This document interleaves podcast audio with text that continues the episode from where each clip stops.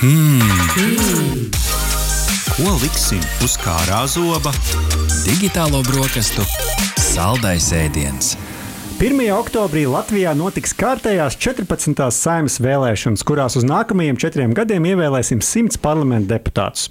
Šajā procesā būtiski loma ir arī digitālajām tehnoloģijām, kas ļauj visas dienas garumā sekot līdz jaunākajiem rezultātiem un vēlētajai aktivitātei. Par šogad lietotajiem jaunajiem digitālajiem risinājumiem, kā arī tehnoloģiju radītajām iespējām un riskiem, jautāsim mūsu šīs dienas raidījuma viesiem. Ar mums kopā ir Latvijas Universitātes Matemātikas un Informātikas institūta vadošais pētnieks Māris Alberts. Labrīt! Labrīt, labrīt! Un Centrālās vēlēšana komisijas priekšsēdētāja Kristīna Bērziņa. Labrīt šajā aizņemtajā laikā! Labrīt! Ķersimies pie virpas un sāksim, Kristīna, ar jums. Tā kā mēs esam tehnoloģiju raidījums, mums interesē vairāk tā digitālā puse, tad varbūt varat sniegt mums kādu ieskatu, cik digitāls un tehnoloģiski advancēts ir vēlēšanas šajā gadā, šajā brīdī, kādos procesos varbūt parādās kāds plašāks tehnoloģiju pielietojums nekā agrāk.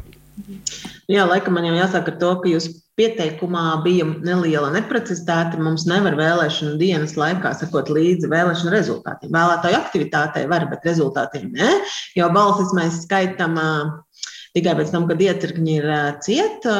Bet kopumā jā, tā jaunā lieta, kas ir šoreiz pirmo reizi saimnes vēlēšanās, saistīta ar tehnoloģijām, bet nav pirmo reizi Latvijā. Mēs jau izmēģinājām šo arī pagājušās pašvaldību vēlēšanās. Tas ir tiešsaistes vēlētāju reģistrs, kas ir elektronisks, pieejams visos vēlēšanu iecirkņos, tiešsaistē. Attiecīgi šajā reģistrā mēs atzīmējam vēlētājus, kas atnākuši balsot, kam izsniegti balsošanas materiāli. Un papildus, jā, tas nodrošina to pašu iespēju, ko kādreiz spiedoks pasē, tātad, ka katram vēlētājam viena balss. Tas ir tas viens. Otra lieta, ko mēs jau diezgan senāk izmantojam vēlēšanās, tā ir vēlēšanu zīmju skenēšana. Tas jau ir balsu skaitīšanas laikā, lai atvieglotu komisijām darbu, saskaitīt balsis par kandidātu sarakstiem.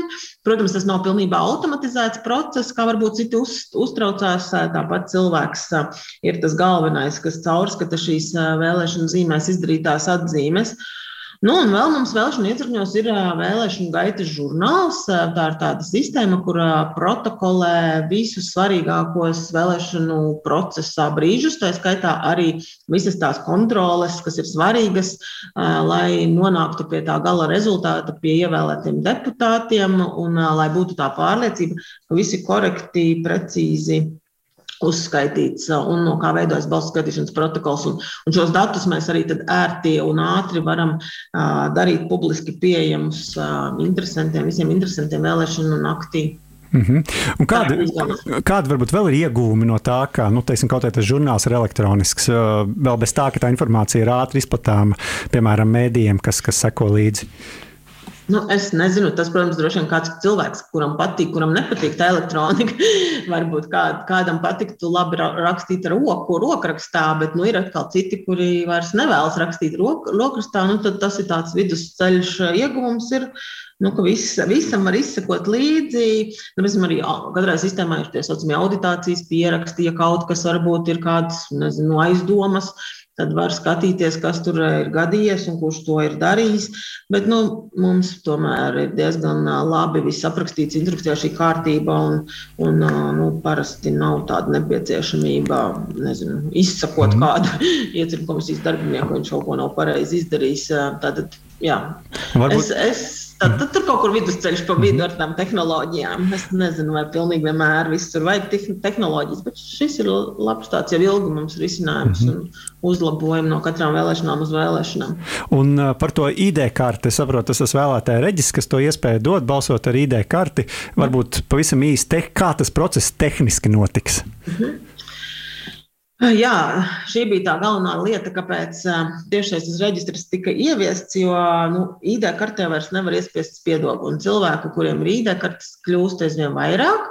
Attiecīgi, tad bija jādomā risinājums, lai saglabātu šo ērtību, ka cilvēks var iet uz jebkuru vēlēšanu iedzirkni, kā mums Latvijā cilvēkiem patīk, jo nu, citur pasaulē nu, tā nemaz nav. Visi pieraduši iet uz to konkrēto iecirkni.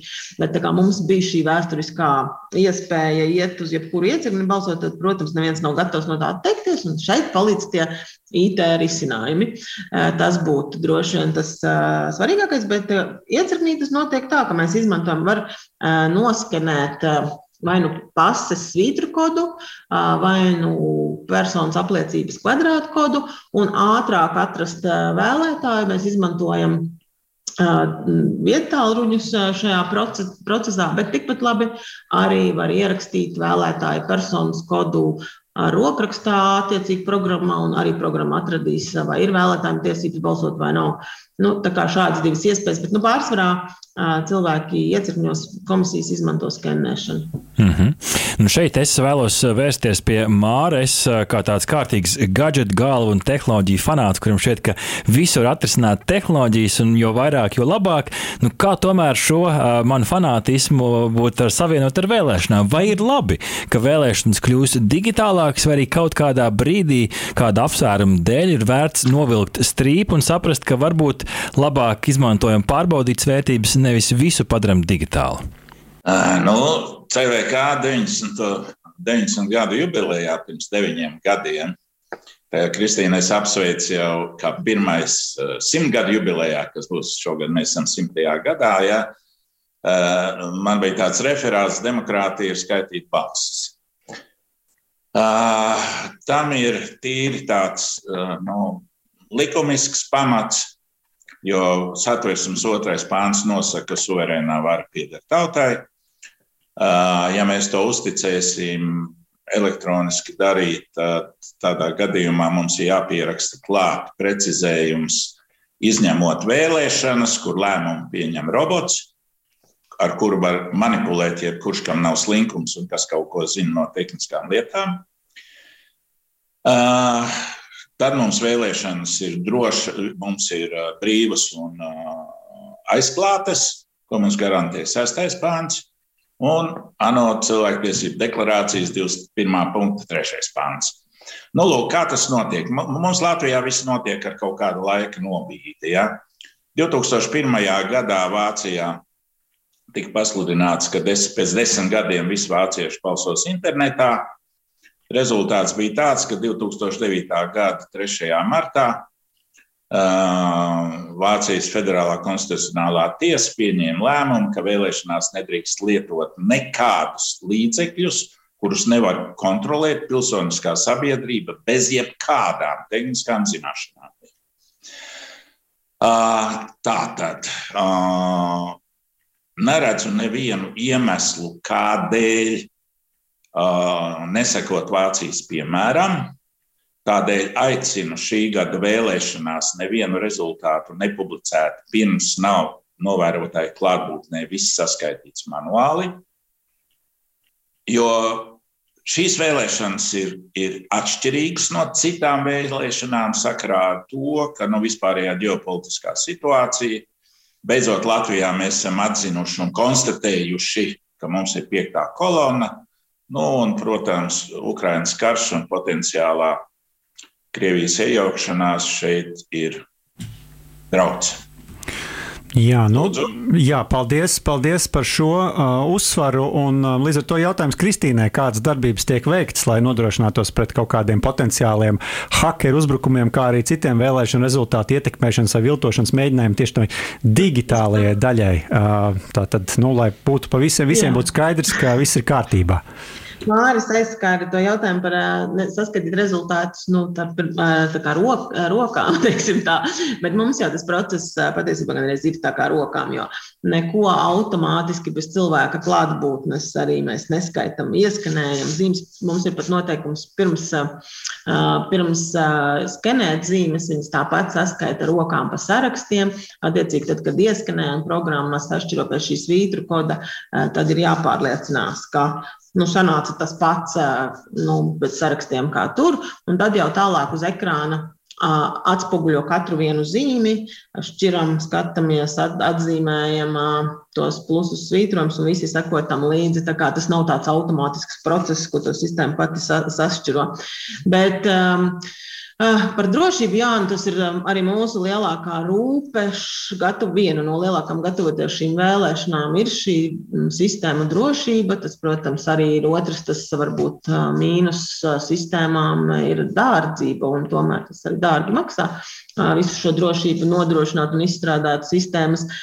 Bet nu, es neesmu tik pārliecināta, ka mēs varētu, kā sabiedrība, ka mēs būtu gatavi kā Vācijā visu gaidīt no rokām. Tad mums jāmaina, būtu droši vien kāda vienkāršāka, jā, jāizdomā kāda vienkāršākas um, vēlēšanu sistēma, jāatsakās no plusu un svītrojumu izdarīšanas vai nezinu, savādāk jāorganizē balsošanas tas, tās iespējas, ko cilvēki var vēlēšanu zīmē veikt.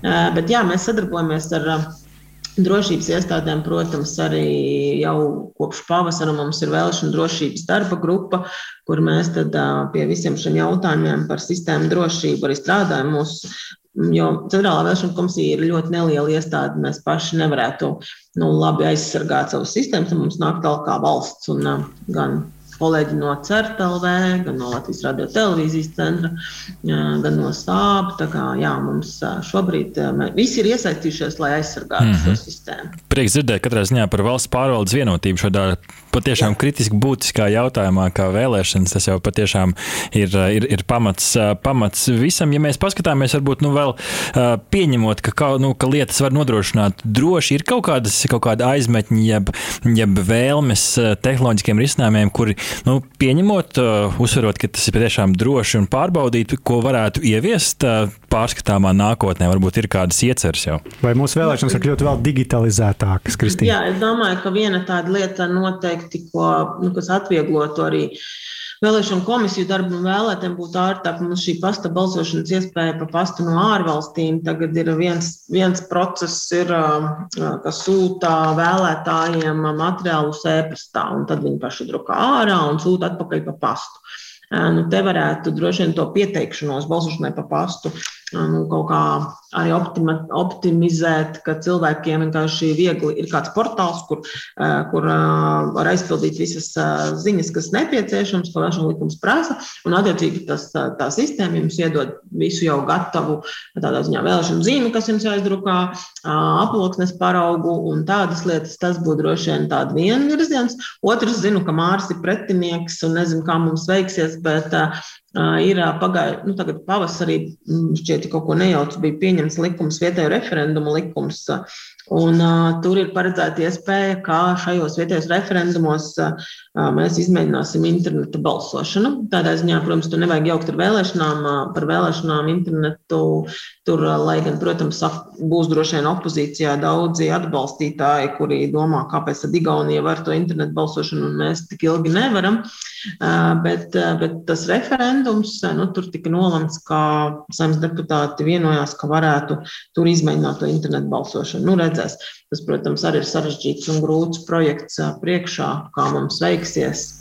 Mm -hmm. nu, Māri, kas varbūt ir tie galvenie argumenti, kāpēc uh, balsošana internetā, nu, tas šobrīd tiek pieminēts referendumu uh, piemērs, nu, varbūt, ka to var attiecināt arī uz vēlēšanām. Kas varbūt ir tie riski, kas vispār uh, šobrīd ir uh, likuši atmest šādu domu plašākā kontekstā balsot internetā? Jo mēs arī, nu, tā teikt, noteikti esam sekojuši lūdzu, līdz industrijas viedoklim, nu, tas līdz šim ir bijis ļoti, ļoti noraidošs šādām idejām.